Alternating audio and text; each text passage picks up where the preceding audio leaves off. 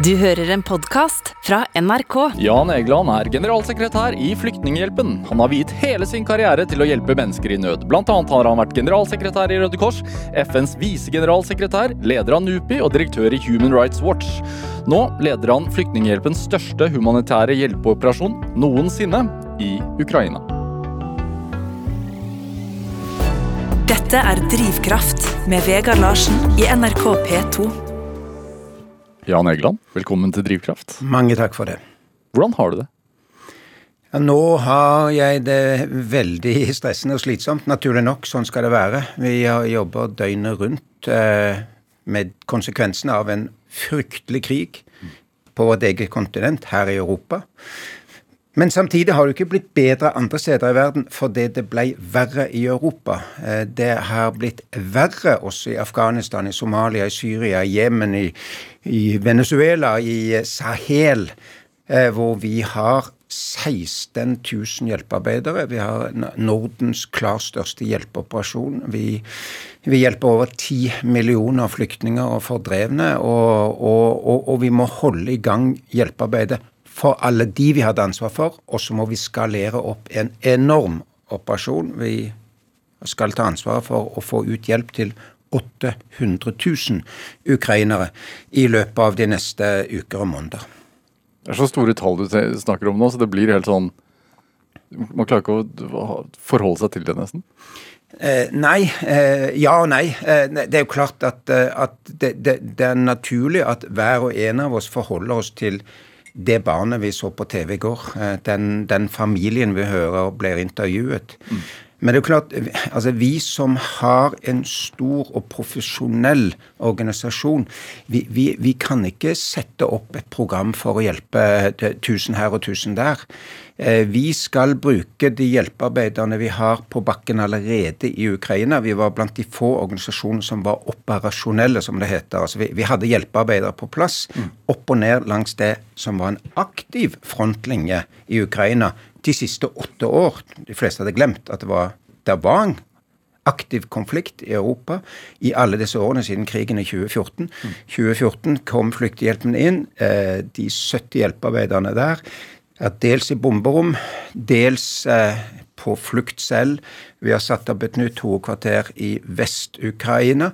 Eh, de er nå klar til å starte operasjoner, og da, og da går vi i gang i denne uka med kontantoverføringer til mødre og fedre på flukt. Eh, og vi setter opp en svær sånn logistikkjede fra nabolandet og inn i Ukraina. For de er jo det er jo inne i Ukraina at de største behovene er.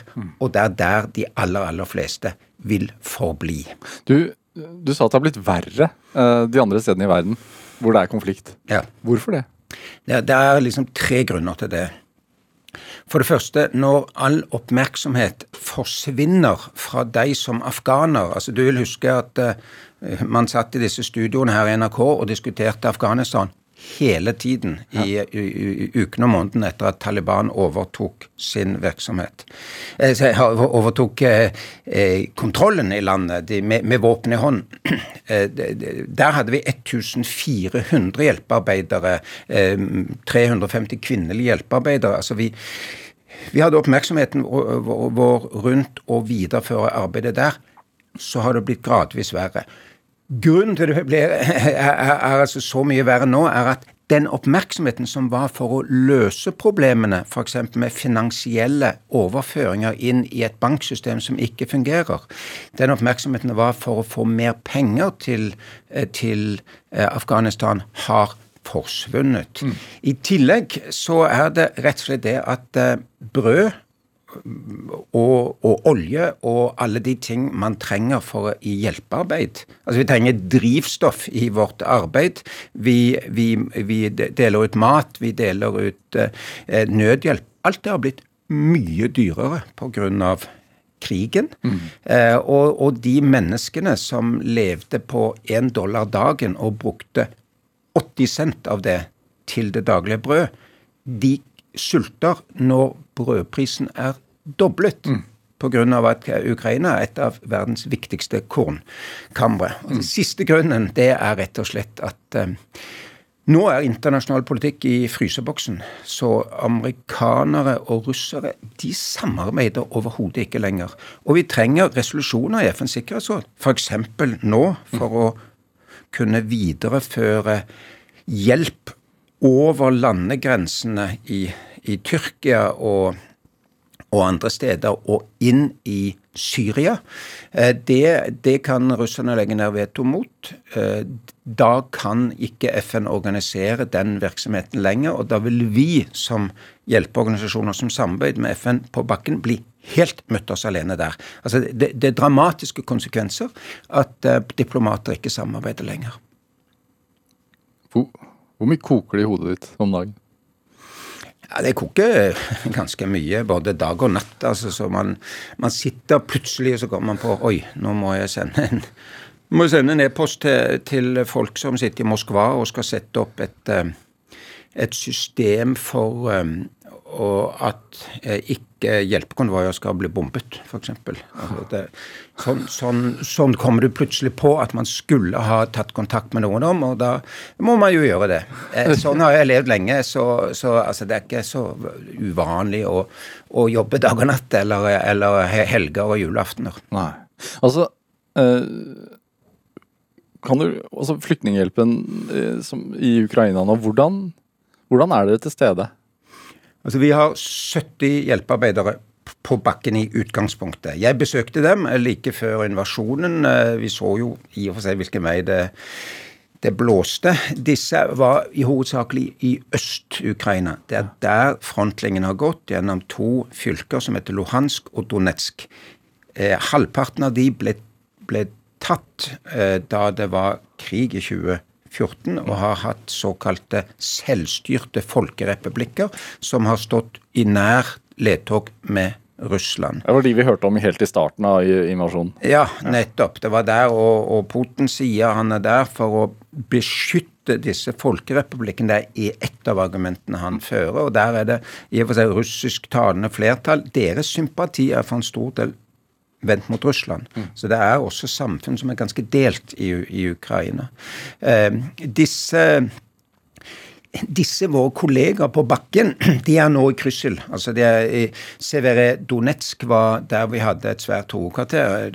Tre etasjers bygning full av folk som sendte, virks, gjorde virksomhet i alle mulige retninger. Mm. Tenker mye på de kollegene, for de eh, som ikke har flyktet, de må nok regne med å komme nå på russisk kontroll. Veldig snart. Eh, vi har fire kolleger i, i, i utenforliggende landsbyer. De er allerede under russisk kontroll. Eh, på et tidspunkt, hvis alt går godt og de ikke blir skadet, så vil vi håpe å komme i gang med hjelpearbeid på, for de ukrainerne som vil være på russisk side av frontlinjene. Vi er humanitære, vi er der behovene er, uansett eh, hvordan krigen bølger fram eller tilbake. Hvem er de altså 70 som er der? De er 66 eh, eh, ukrainere. Vi jobber alltid med lokalt ansatte som vi utdanner, trener, lærer opp. Og så hadde vi fire internasjonale hvor eh, landdirektør eh, Anna eh, er, eh, er kroat fra Bosnia. Meget erfaren dame. Vært i mange konfliktområder og sitter nå rolig og systematisk og bygger opp hjelpearbeidet fra et nytt hovedkvarter i Vest-Ukraina, i en by, by, som heter Ivano-Frankivsk. Eh, det, det, er på nyhetene ganske ofte, for det bombes rundt den byen. Men vi håper og tror at der vil ikke krigen komme. og og det er derfra hun er med på å organisere kollegene andre steder. Og så har vi da eh, team som vi har sendt for lengst til Polen, til Romania, til Moldova. Moldova for det er det fattigste landet i Europa, og de har fått over 100 000 flyktninger. Og til Polen, for det, de har jo fått to millioner. De har fått eh, de aller, aller fleste. Og der er vi da i gang med massevis av lokale polske og rumenske og moldovske organisasjoner for å hjelpe virksomhet. Altså det, det, er dette vi kan. Det er dette vi har jobbet med kontinuerlig siden organisasjonen ble stiftet i 1946, som det norske folkets svar på flyktningekatastrofen i Europa etter andre verdenskrig. Det er en veldig rørende historie om hvordan nordmennene som da var fattige altså I dag er vi rike og lever i et fredelig og, og, og, og velfungerende samfunn. Da var Finnmark brent i 1946. Og nordmenn hadde en tidel av kjøpekraften de hadde i dag. Likevel så hjalp nordmenn eh, meget aktivt flyktninger i Tyskland, i Polen, i Østerrike og, og andre land som var rasert da krigen var over. Har den innstillingen forandret seg? Nei, eh, altså det er vel den innstillingen vi ser nå igjen i den Ukraina-operasjonen som, som, er nå. Um, men, men, det er klart man, Det er kanskje mer imponerende at du gir av din fattigdom enn når du gir av din rikdom, altså. Så det var jo veldig imponerende den gang. Det er veldig imponerende nå òg. Det er veldig imponerende nå. Og jeg og, og vi har samlet inn masse penger um, fra private i Norge. Eh, vi vil eh, Vi får stadig flere som også vil støtte flyktninger andre steder av verden, hvor det altså har blitt verre. Mm. Så jeg er meget, meget glad for å, å kunne få lov å jobbe ut ifra Norge. Det er et flott land å jobbe ut ifra. Er det? Hvordan er det for de som er i feltet her nå?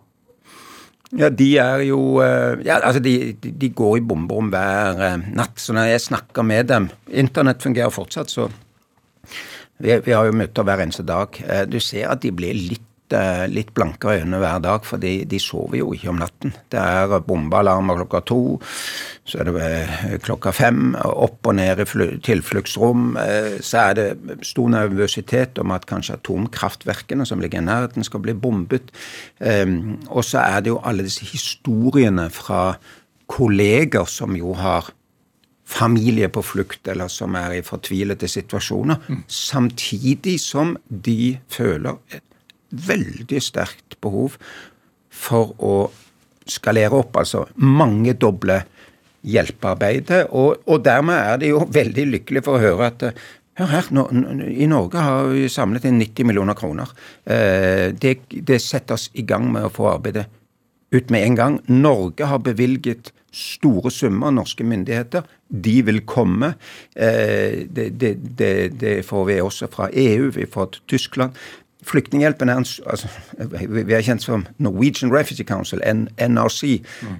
over hele verden. Vi har eh, tillit fra 30 giverland, herunder fra Norge, pga. at vi er så sterke i hjelpearbeidet i felt. Mm. Hvordan, hvordan organisere seg og, og, og, og, få ut fakta når man er i den situasjonen man er? Altså, det er faktisk et problem å få nok sanntidsinformasjon ut fra alle de områdene hvor vi har folk. Ja. Altså, de, så, så, så vi, vi, støtter dem med liksom, kommunikasjonsfolk eh, og andre som intervjuer dem, får ut informasjon. Vi sender jo inn folk i Ukraina. altså det, det, det, det er naturlig nå at det, er jo tre millioner har allerede flyktet. Mm. Det er også mange som reiser inn. Våre hjelpearbeidere reiser inn i, i, i, Ukraina. Og blant de som reiser inn, er folk som hjelper med kommunikasjonsarbeid. Viktig for oss er å få fram sannheten av det som skjer, og å kunne snakke i internasjonale medier. Vi har et studio i vårt hovedkvarter her i Prinsens gate i Oslo, hvor vi går live på CNN, BBC, Al Jazeera, Reuters, Associated Press hele tiden. Eh, nettopp fordi vi er så store i feltet. Mange vet ikke at vi er en, en, en, en tung aktør i, fra Afghanistan til Venezuela, til Sahel, til Somalia, til Syria, hvor vi er på begge sider.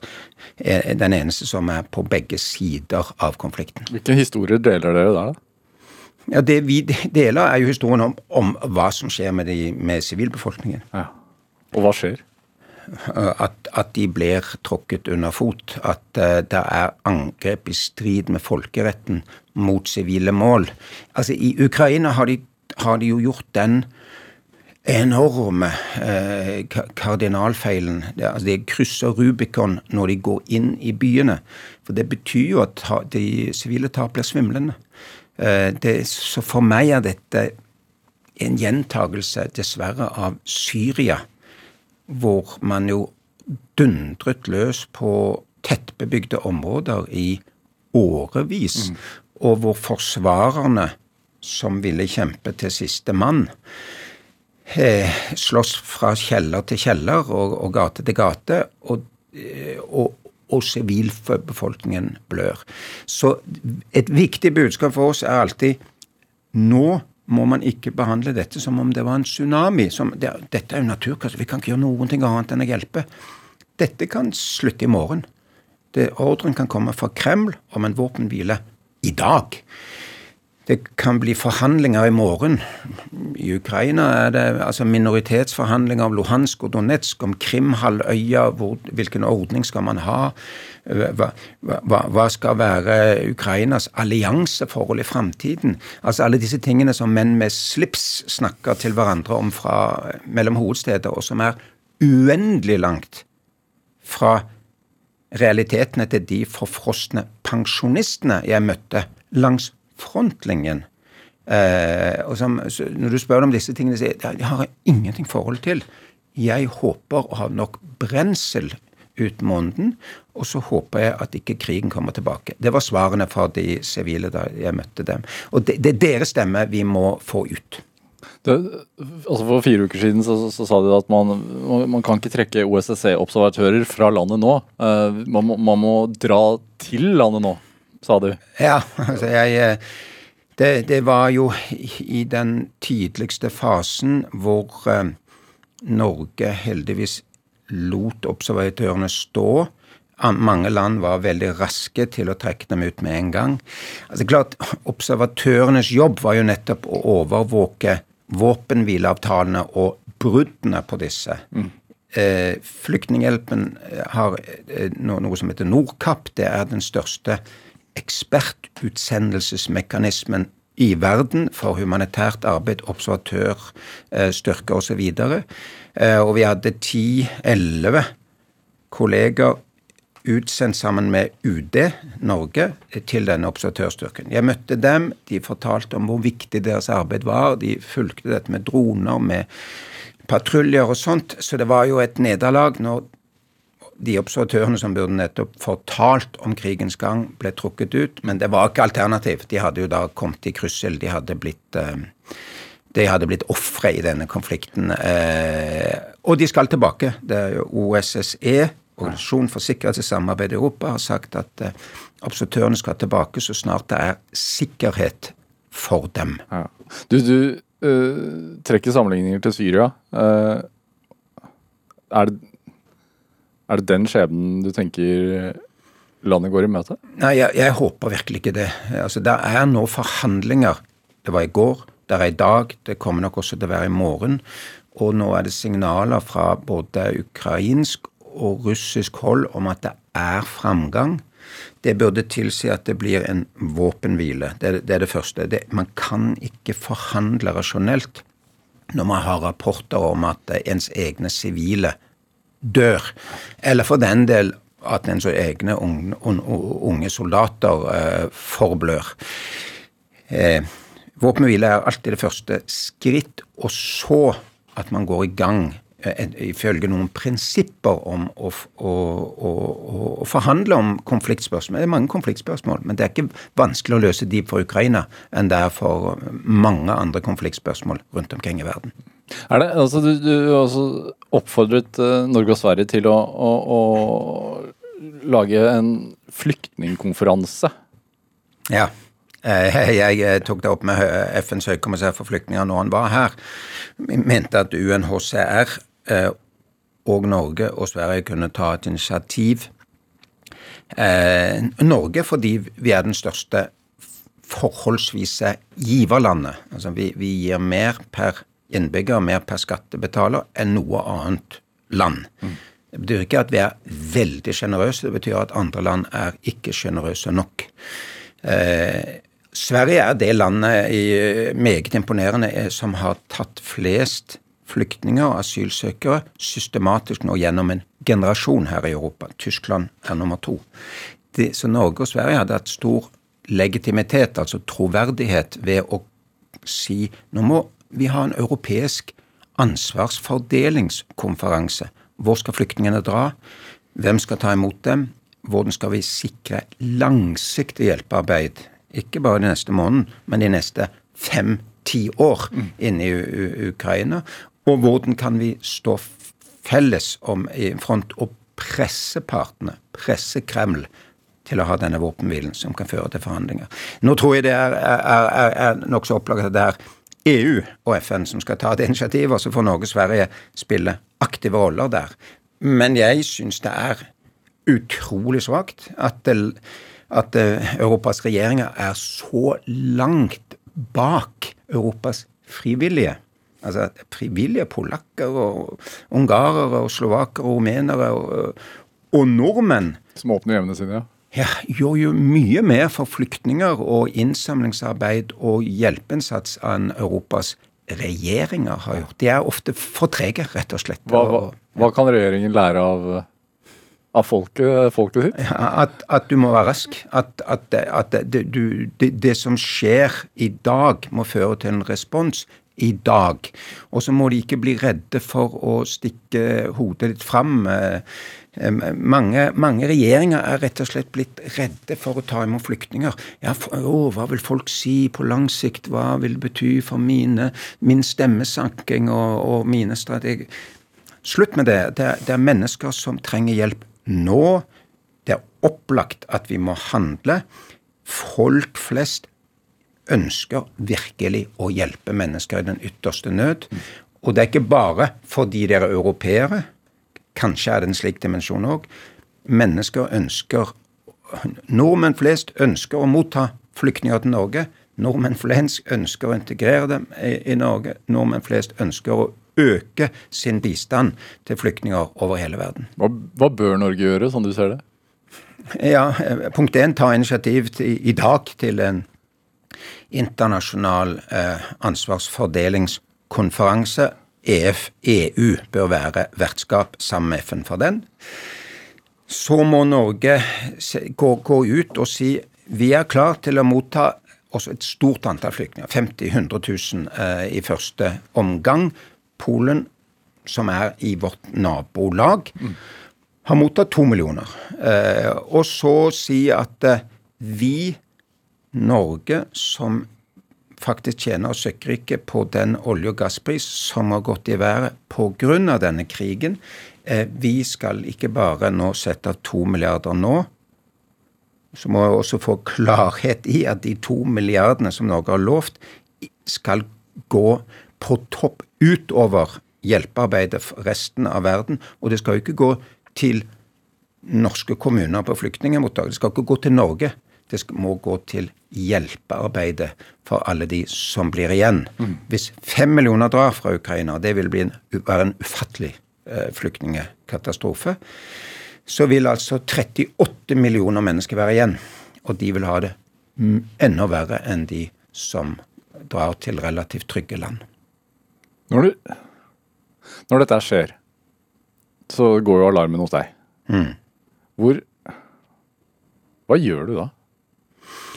ja, altså vi, når vi våkner opp ja, altså jeg ble, jeg ble vekt hva var det, halv seks den morgenen. Eh, av, og da er det vår eh, sikkerhetsavdeling. Vi har en ganske stor avdeling med hvor det står for helse, Health, Safety and Security. Eh, det, det, er, det, er, de som, som står for tryggheten til de av våre hjelpearbeidere som er krigssoner, og òg eh, tryggheten til de vi hjelper. Og, og da var beskjeden om at eh, bombingen hadde, var, var, i full gang, og at eh, visse frontlinjeposisjonene våre kunne se og oppleve det. Og at vi allerede da hadde funnet ut at alle våre 70 var i god behold.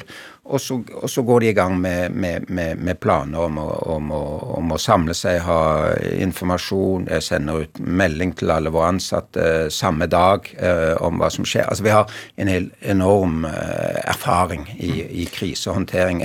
Mer enn de fleste statlige norske institusjoner har. Og så sier du at det er viktig å handle nå, og det gjør dere jo. Ja. Men, men hvor langt perspektiv har du? Ja, vi har vel ja, Ukraina ti år, vil jeg si. Ti år. Vi, har, vi var der jo åtte år. Ikke sant. På forhånd Nå etter den forrige krigen, ja. som var mye, mye mindre. Jeg tror i Syria kommer vi til å være kanskje i 50 år til, altså lenge etter at jeg eh, pensjonerer meg. Ehm, for poenget med flyktningarbeid er jo ikke å holde folk i live Poenget med flyktningarbeid er å gi dem en trygg havn, slik at de kan bli selvstendige mennesker med igjen, som har vendt tilbake og gjenoppbygd sine hjem, eller kunne integrere seg der de er, eller dra til et tredje trygt sted hvor de er velkomne for å bli. Eh, og, i Syria så feirer vi Nei, feirer ikke. Vi markerer Eh, det triste elleveårsmarkeringen av krigens begynnelse i Syria. Og det er verre nå for et større antall mennesker enn det har vært noensinne før. Og når jeg reiste rundt i Syria i desember, så så fortsatt store byer altså du kan si Tilsvarende Oslo, Bergen, eh, Kristiansand, Stavanger, Trondheim i ruiner fortsatt. Altså det, det, de ser ut som Stalingrad eller Dresden i 1945 eh, i disse områdene. Det er ikke, gjennom, det, det er ikke bygd opp igjen ennå. For det, er også det er politisk uenighet. Donorlandene sier vi vil ikke bygge opp så lenge Assan sitter med makten. Og det betyr jo da at skolebarn får ikke bygd, som har null med dette å gjøre, får ikke gjennombygd skolen sin engang. Ja, Fordi sivilbefolkningen bor fremdeles i områdene? Sivilbefolkningen er der, bortsett fra at også seks millioner flyktet. Ja. Det er seks millioner som flyktet fra eh, Syria, og så er det seks og en halv, eh, sju millioner som var internt fordrevne. En god del av de har vendt tilbake.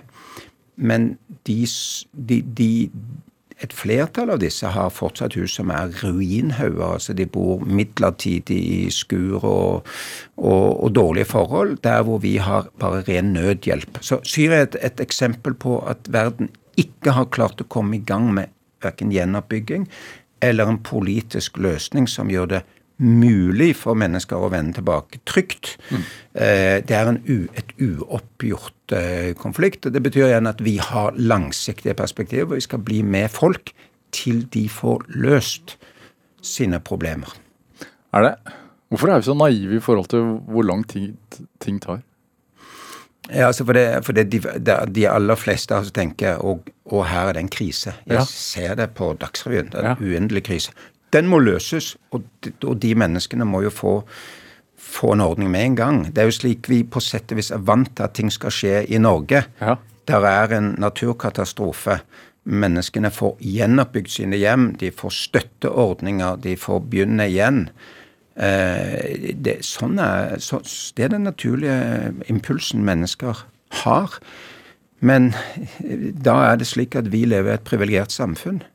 I Jemen er det jo da 20 millioner som, som er, sitter i en slags uendelig hengemyr.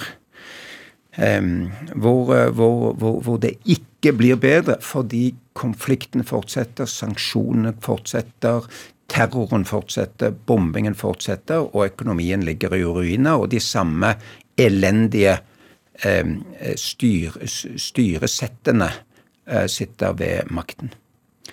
Jan Egeland, altså. Du er, du er jo midt oppi dette hele tiden. Mm. Og det, det, du forteller, er jo, det er jo elendighet på elendighet, på et vis. Bli, bli, du, blir du pessimist eller optimist i, forhold til Altså Ja, da, men da, da, er det jo godt at jeg får lov til å si jeg er optimist. Jeg forblir optimist.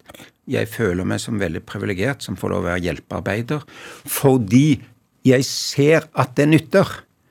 Altså, jeg, jeg beskriver jo generelle, generelle problemer i disse samfunnene som betyr at vi må hjelpe, vi må investere der i vår samsvar med våre idealer, men også våre interesser, og, og, og jobbe for at Ukraina, men også Syria, Jemen og Kongo kommer på fote igjen, slik vi gjorde det etter, eh, etter andre verdenskrig.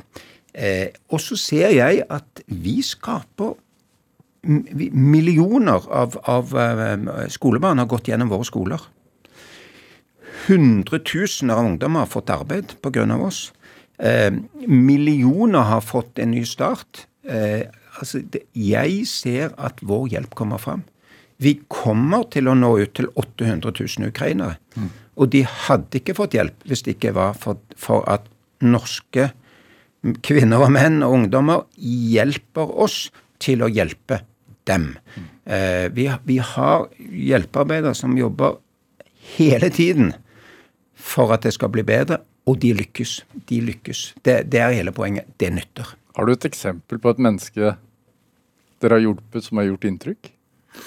Åh, det er uendelig mange. Altså, også i Ukraina hvor jeg så altså, nå, nå, nå, vet vi jo ikke hvordan det har gått med disse, da, men, men jeg, jeg, var, jeg, var, i en, i en landsby som heter Opitne. Eh, og den da rett ved, den, ved frontlinjen i, i området som heter Donetsk.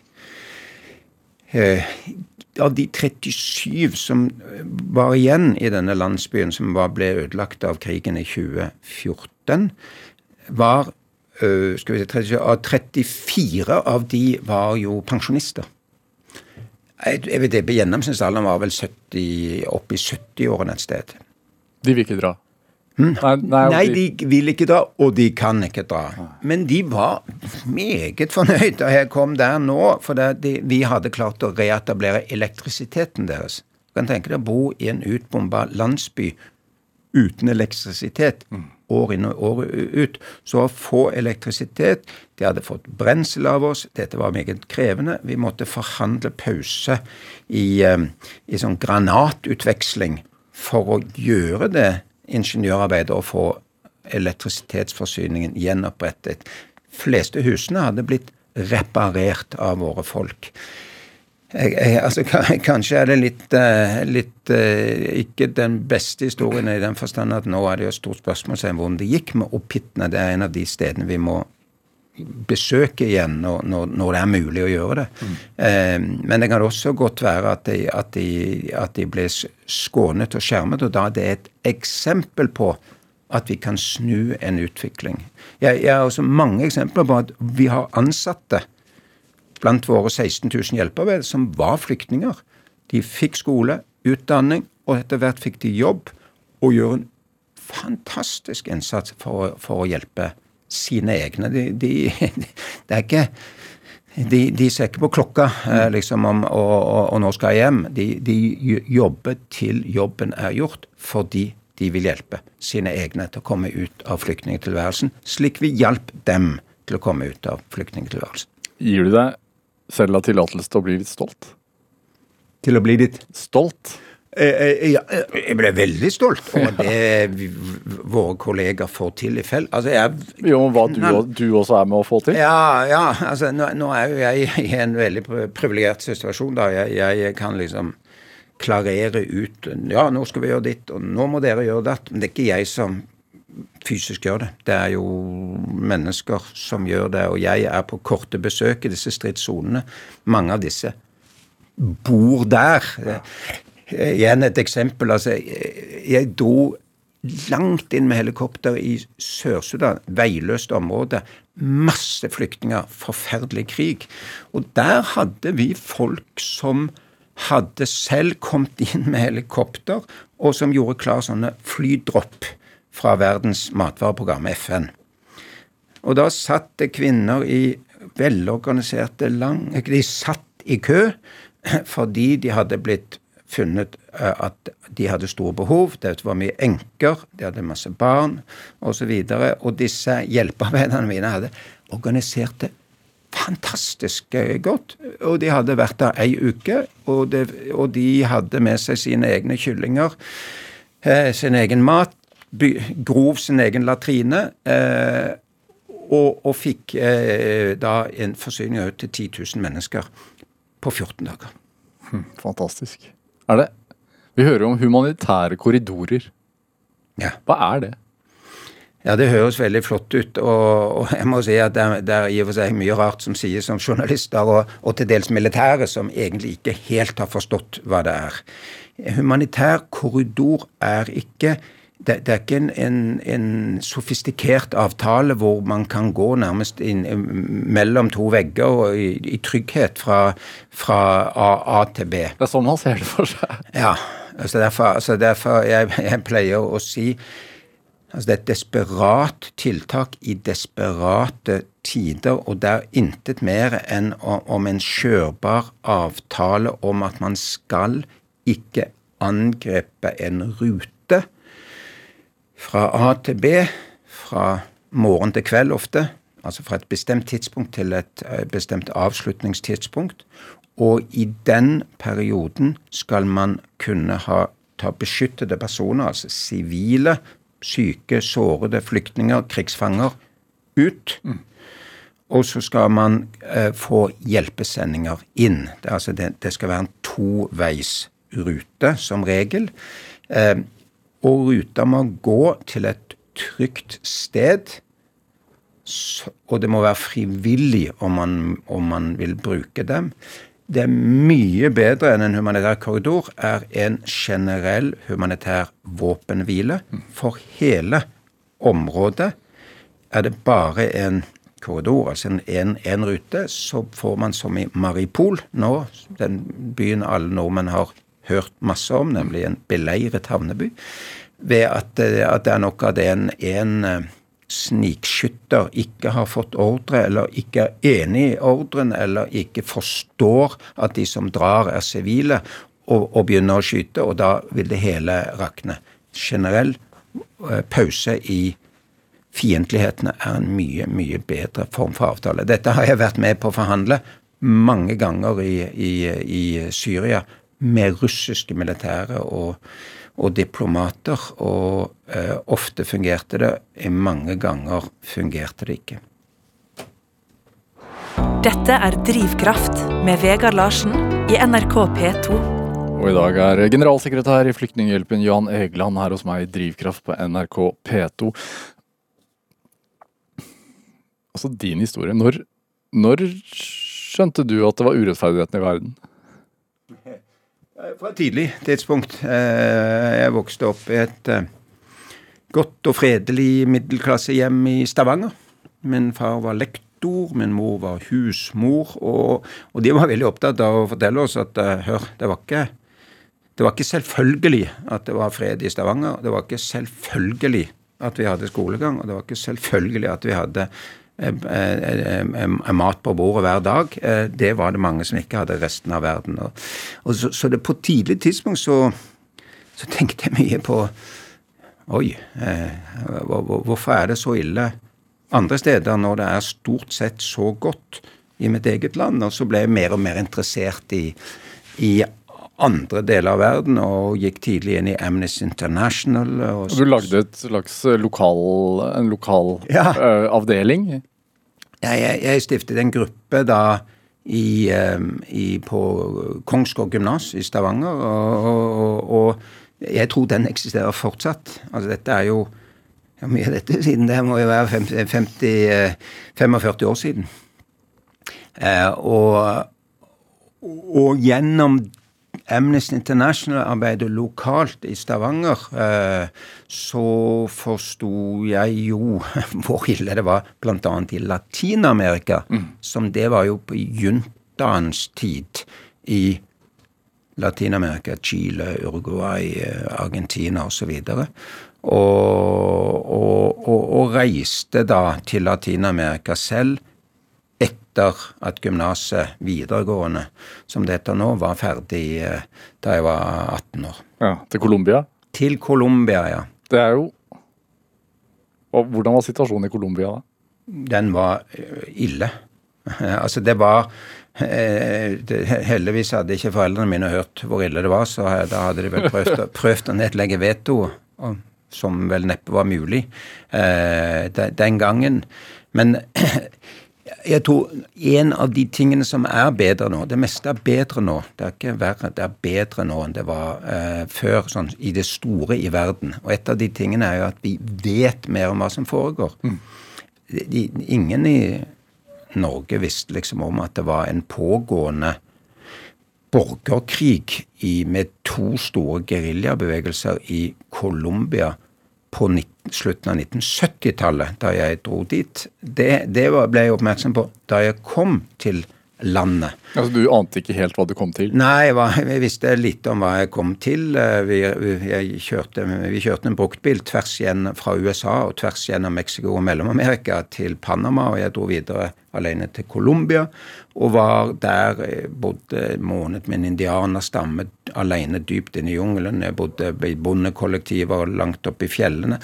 Og, og, og, så jo mer og mer at dette, dette var et samfunn med, med dype motsetninger, og med to da eh, marxistiske eh, geriljaorganisasjoner og et brutal eh, motkraft på, på regjeringsstyrkene. og den krigen er det jo da Norge var med på. Jeg var selv FNs utsending og fikk etter hvert involvert Norge i vennelandsgrupper, og Norge tok over. en, en, del år senere, dette her, da? Ja, ja en generasjon senere så ble jo da slik at eh, Norge var vertskap for forhandlinger mellom geriljaen, organisasjonen FARC, og eh, regjeringssiden. Det ble en fredsavtale. og Nobels fredspris til eh, president Santos.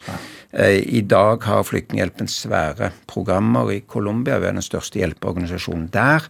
Og i en del områder er det bedre, en del områder er det, er det, er det like ille, dessverre. Det tar tid.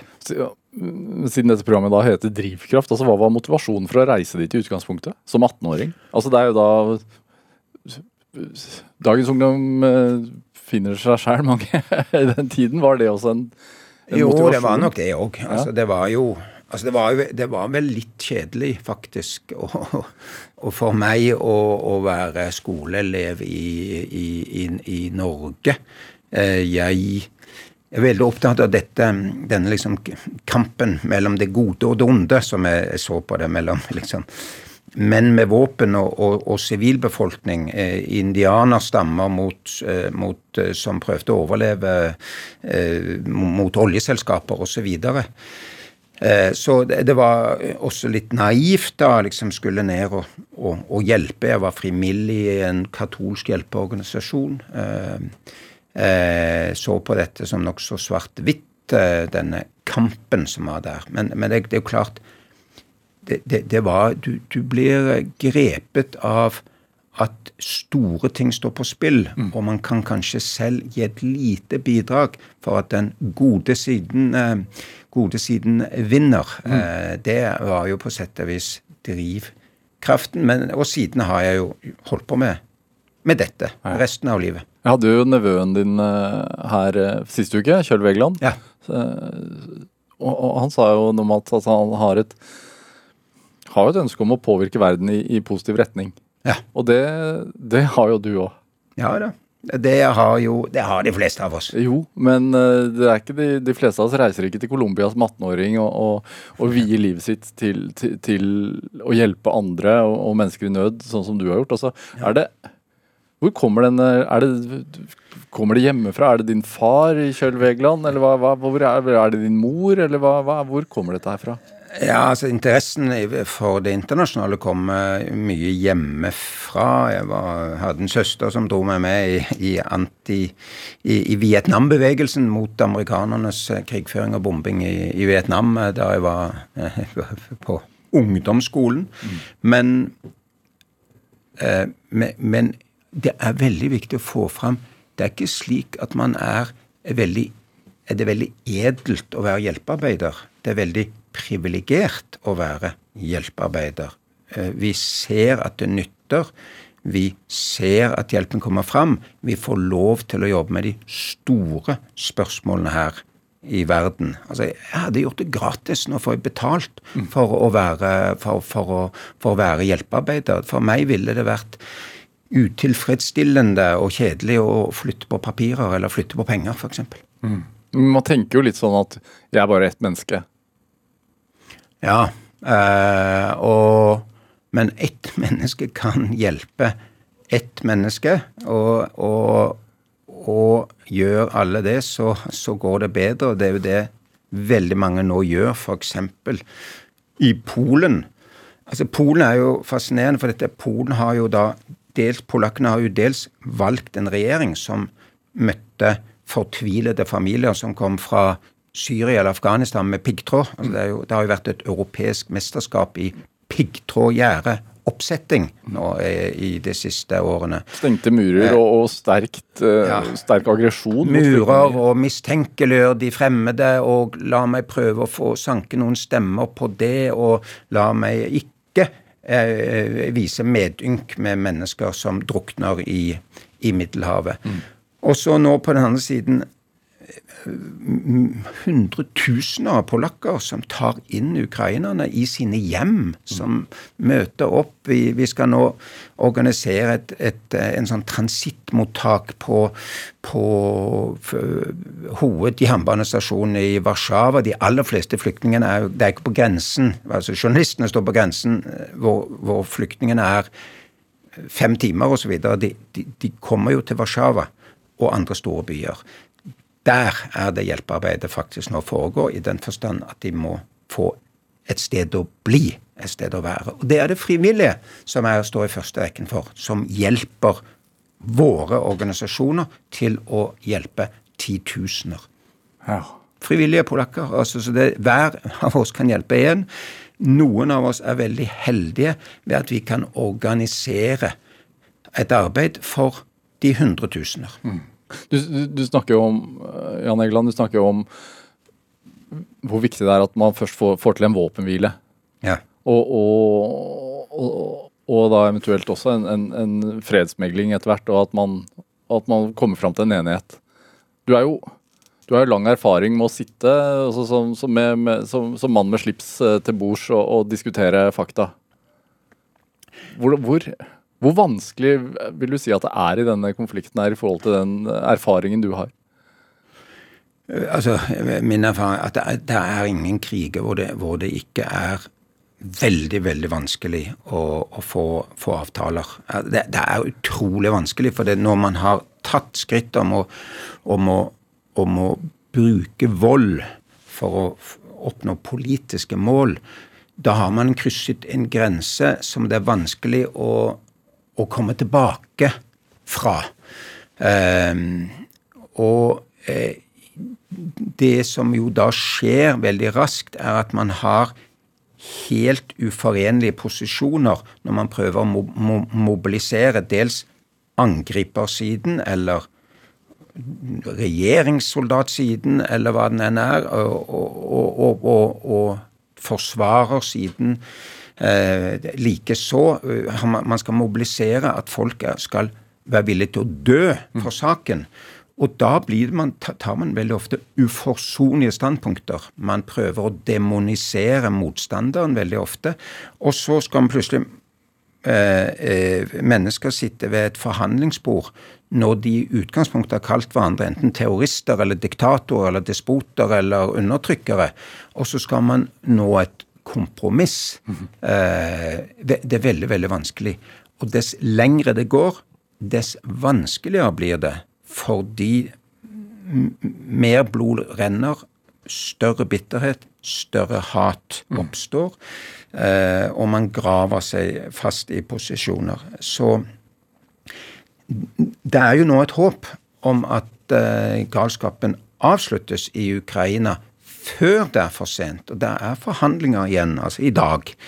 det kan bli denne våpenhvilen. Og blir det en våpenhvile, så kan man komme i gang med forhandlinger om, om, eh, om tilbaketrekning, om selvstyreordninger, om minoritetsvern, om føderasjonsløsninger, eh, hva den enn kan være. Om erklæringer om alliansetilknytning eller nøytralitet, eller hva den enn kan være.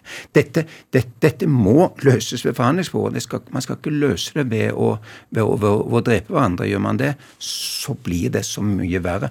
Men det er mulig. Det er, mulig. Det er masse avtaler som har blitt i, eh, framforhandlet, og noen av dem har jo også blitt realiteter. Ikke alle. Nei. Du var med på Oslo-avtalen f.eks., ja. som jo falt i grus. Den falt i grus, og det Derfor har jeg holdt noen foredrag om, som, eh, som ble kalt ti ti eh, lærdommer fra ti fredsprosesser. Jeg har vært med i ti ulike fredsprosesser. Og den siste var jo Lærdommen var alltid at det er nesten umulig å få en avtale mellom stridende parter. Og det er, det er bare én ting som er verre, og det er å gjennomføre avtalen.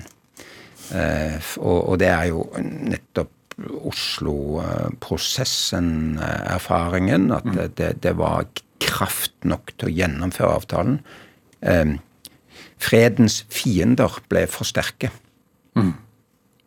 Du sier at forhåpentligvis så kan man få til en avtale før det er for sent. Når er det for sent? Ja, det er, altså, vel, det er Da må jeg presisere ordbruken. Det er aldri for sent, men det blir altså vanskeligere for hver eneste dag Igjen, Syria holdt man på å forhandle Har, har man holdt på å forhandle ja, fra 2013 mm. og fram til i dag. Og Kofi Annan, som var den første FN-megleren etter at han hadde gått hos en generalsekretær Jeg var jo en av hans eh, nærmeste mm. eh, da han var generalsekretær, og jeg var leder for det humanitære arbeidet. Han fortsetter som fredsmegler i, i Syria. Han hadde en avtale, og stormaktene var ikke villige til å drive den igjennom. Det var vel da 2013-2014. Eh, da de, hans, Kofi etterfølgere kom, så var det klart at det var enda mye vanskeligere å få av, avtaler enn det var i 2014. Da tror jeg at uh, russerne og amerikanerne hadde lagt nok velvilje til, mm. så hadde det blitt eh, fredsavtale. Og da hadde vi spart syrerne for mange års eh, fortsatt krig. Mm. Du har jo erfaringer med å, å forhandle med russiske generaler, f.eks. Altså, hvordan, hvordan er det? De, er, altså de russiske militære jeg har forhandlet med, de er som regel ytterst profesjonelle de, men de står jo òg for, eh, for eh, en, eh, en, krigsmakt som har gjort ofte fryktelige ting, og som står på den ene side, siden i en blodig konflikt. Men, men, det var altså vi, vi mitt, mitt, ansvar var å lede et, en arbeidsgruppe med alle de viktigste landene som satt ved bordet. Og så hadde de også flere av de største, bl.a. russere og amerikanere, hadde både diplomater og militære ved bordet. Eh, og, og, vi klarte jo å forhandle fram hundrevis av konvoier som faktisk kom inn til disse beleirede områdene. Og avleverte hjelp som gjorde at folk ikke sultet i hjel. Men men, men, men det er jo bare midlertidige løsninger, dette at du, du får hjelpesendinger inn og eventuelt sårede og sivile ut. Mm. Eh, det, det, må politiske løsninger til for å stanse krig og fiendtligheter. Og vi sier ofte selv i, på, på, mitt eh, område det er ikke humanitære løsninger på humanitære problemer. Det er diplomatisk-politiske løsninger på humanitære problemer. Vi kan holde folk i live. Vi kan til og med gi dem nytt håp. Vi kan gi dem utdannelse, vi kan gi dem levebrød. Men, men, men vi kan ikke få til en fredsavtale mellom stater eller mellom store væpnede aktører. Hva tror du blir utfallet av dette her, av denne konflikten? Oh, ja, altså det er som her som som nesten alle kriger er liksom tre tre mulige utfall. The good, the bad and the ugly, som man ofte sier. Altså, det, det gode ville jo være våpenhvile raskt. Eh, eh, helt eller delvis tilbaketrekning av styrker mens man forhandler fram løsning på minoritetsproblemene. Eh, altså det, er en, det er jo russere i Ukraina som har foretrukket eh, å, å, å, ha sin lille folkerepublikk osv. Så videre. så man kan, man kan forhandle mm. med dem om det. Eh, sannsynligvis må, må, de være del igjen, Ukrainas eh, territorielle grenser er jo ukrenkelige. Men jeg, jeg, jeg, ser også det, den onde muligheten, og det at man får stillingskrig. Mm. Og så er det det virkelig fryktelige alternativet. Det er et, et, et blodbad ved at man, man, man slåss gate for gate i, i, i byene. Og det tror jeg virkelig ikke kommer til å skje. Det håper jeg virkelig ikke. Og vi må jobbe for det motsatte. Vi må fortsatt være optimister. Jan Egeland, det er et eh, det er kanskje et dumt spørsmål etter denne timen, men det er noe så at jeg stiller det i hvert drivkraft. Hva, mm. hva tenker du er din drivkraft? Altså Min drivkraft er eh, rett og slett at jeg har muligheter til å forbedre menneskers eh, situasjon i den time hvor de har det tyngst. Og det har jeg fått mulighet til, og da vil jeg bruke hver time på å få til det. Og så har jeg fantastiske kolleger, støttespillere, givere til min organisasjon som gjør det mulig for oss å, å, å gi håp der det nå er håpløshet. Får du tid til å ta vare på deg selv, da? Ja da. Jeg har, jeg har det godt. Jeg, jeg, har det ufortjent godt. Jan Egeland, tusen takk for at du kom hit til Drivkraft. Skulle gjerne hatt deg her i flere timer. Takk, takk.